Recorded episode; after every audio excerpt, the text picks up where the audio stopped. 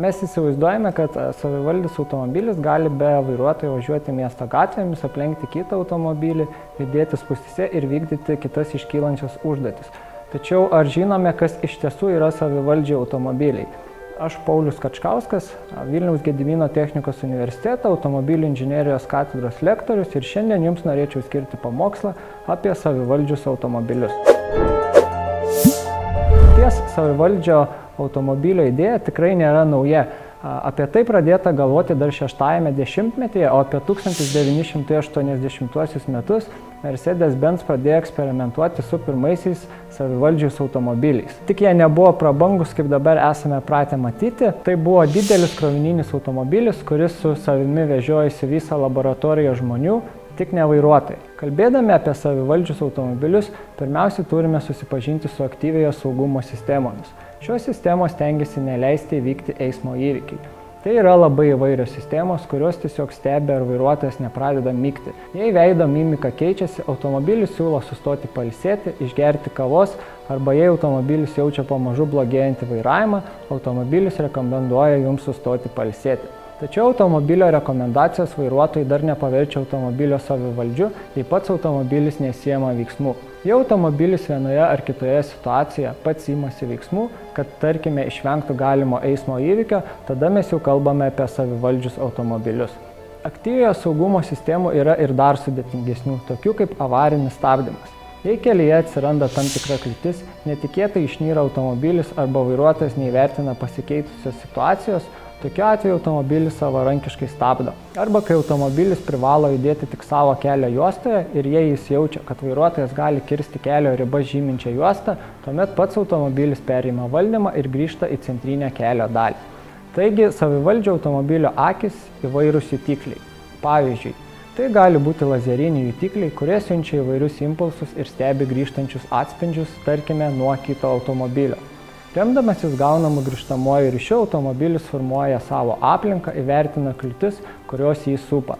Tam tikros sistemos stebi būtent kelio ženklinimą, ieško kelio juostų ar kitų kelio fragmentų.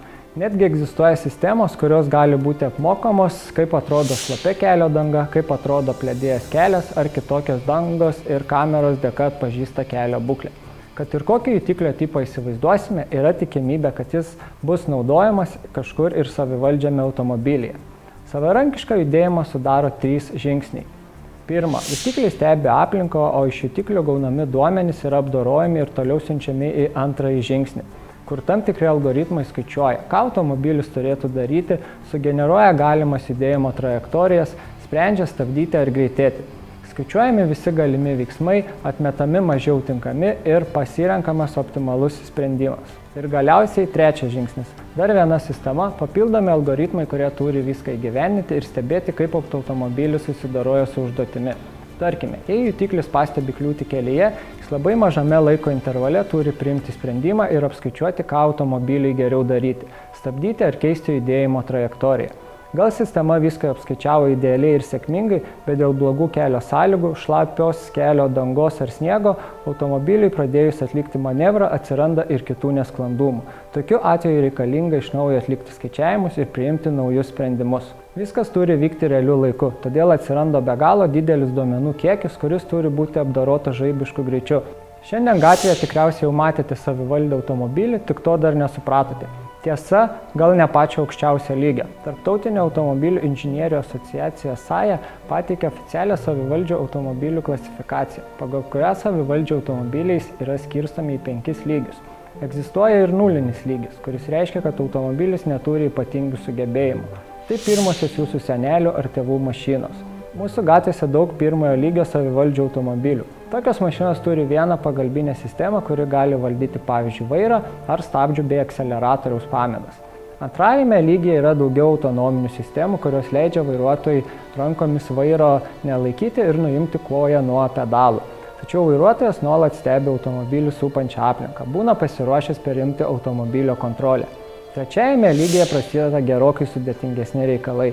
Vairuotojas gali nebekreipti tiek dėmesio į aplinką, kiek kreipia pirmajame ir antrajame lygiuose.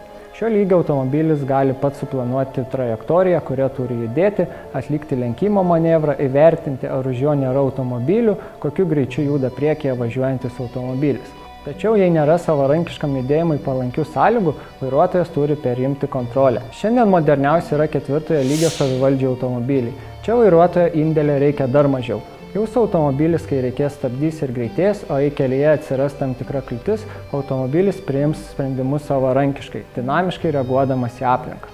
Jei vairuotojas pats pageidauja arba situacija yra per sudėtinga automobiliui, vairuotojas vis dar gali perimti valdymą, ko jau negalėtų padaryti penktajame lygyje.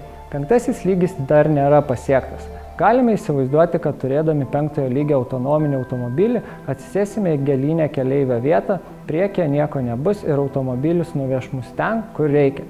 Žingsnis po žingsnio mes artėjame link to, tačiau kyla tam tikrų ne tik techninių, bet ir kitokių problemų. Nežinia, kaip bus išspręsti duomenų saugumo ir kitokie, pavyzdžiui, etikos klausimai. Tiesa, galime pasidžiaugti, kad tokie automobiliai kritiškai sumažins eismo įvykių skaičių. Daugiau nei 90 procentų eismo įvykių įvyksta dėl žmogiškojo veiksnio. Aktyviojo saugumo sistemos mažina žmogaus indėlį į automobilio valdymą, todėl mažėja ir eismo įvykio tikimybė. Mažėjanti eismo įvykių suvestinė ne vienintelis savivaldžių automobilių privalumas.